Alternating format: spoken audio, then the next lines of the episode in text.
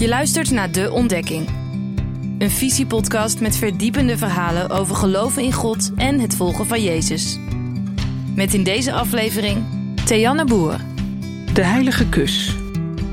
In de familie van mijn man is het de gewoonte dat ook de broers, de neven en de ooms elkaar begroeten met drie zoenen. Van die knallende klapzoenen gevolgd door een stevige heuk. Daar stond ik in het begin wel even raar van te kijken, maar het is van een vrolijke hartelijkheid. En bijkomend voordeel, de Bijbeltekst begroet elkaar met een heilige kus, is helemaal tot leven gekomen.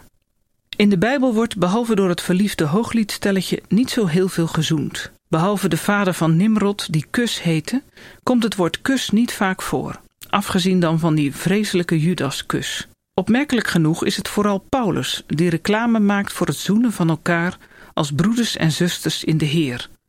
Dat kun je lezen in Romeinen 16 en 1 Thessalonicense 5. In het Midden-Oosten hoort het bij de beroemde gastvrijheid om elkaar te begroeten met een kus.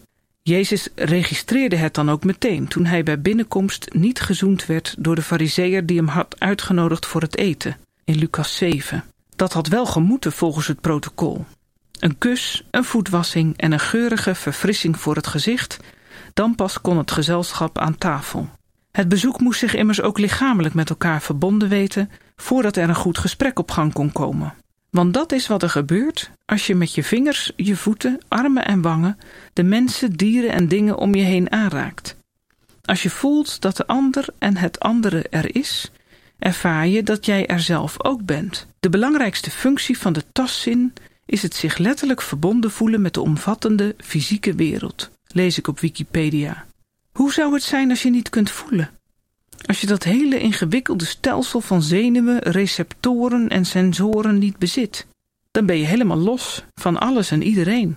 En dan ben je dus heel erg verschrikkelijk alleen, om niet te zeggen dood.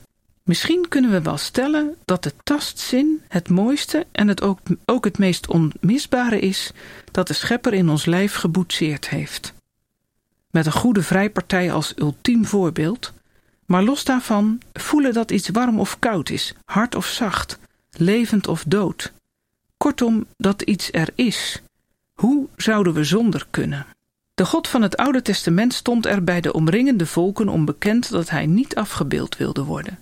Dat was raar. Een God zonder plaatje, zonder lijf. Hoe kon je daar nou mee in contact komen? Maar onze God had goede redenen voor het verbod op verbeelding.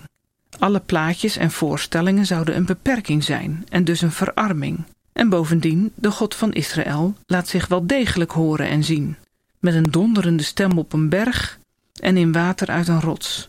Maar het meest bijzondere is toch wel hoe hij zich laat voelen, in een zachte bries, zoals het in de nieuwe Bijbelvertaling is vertaald, in 1 Koningen 19. Zo'n frisse koelte, die langs je verhitte of betraande wangen strijkt, een troostende aai van de schepper. De vertaler van de Naardense Bijbel, Dr. Pieter Aussoren, verdiepte zich in het Bijbels Hebreeuws. En wat hem opviel is dat het zo'n lijfelijke taal is. Hij zegt daar dit over. Inderdaad mag God niet in beeld gebracht worden. Hij is onzichtbaar, in geen vorm te vangen. Maar tegelijkertijd wordt er voortdurend zeer menselijk en lichamelijk over God gesproken. Het gaat over de hand van God, de arm van God, zijn oren, zijn ogen, over het zitten van God, het spreken van God, zijn woede, verbijstering, verdriet, vreugde, jaloezie en afkeer. Ergens wordt gezegd dat God gilt als een barende vrouw. Dat staat in schril contrast met het idee van een onzichtbare, eeuwige, hogere macht die de wereld bestuurt. Het is van groot belang dat je dat laat voelen in de vertaling, want het zegt namelijk iets. Het zegt dat de ene, de onzichtbare, het geen schande vindt om op de mens te lijken. Het lijkt wel of het juist Gods glorie is om zo menselijk te zijn. Het toont het hart van de Allerhoogste. Het laat zien waar zijn verlangen naar uitgaat. En dat is denk ik een deel van de boodschap achter het lijfelijke spreken over God. Ook als het gaat om de plek waar God onder de mensen woont, de tabernakel en later de tempel, wordt veel gesproken in lijfelijke termen. Gods huis heeft een aanschijn, een gezicht.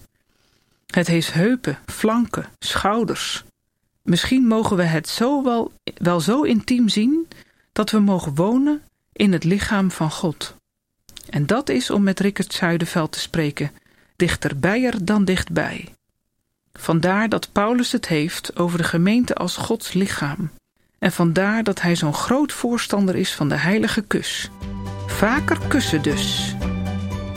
Dankjewel voor het luisteren naar deze Visiepodcast. Vond je het leuk? Geef ons dan even een beoordeling in je podcast-app. Tot volgende keer.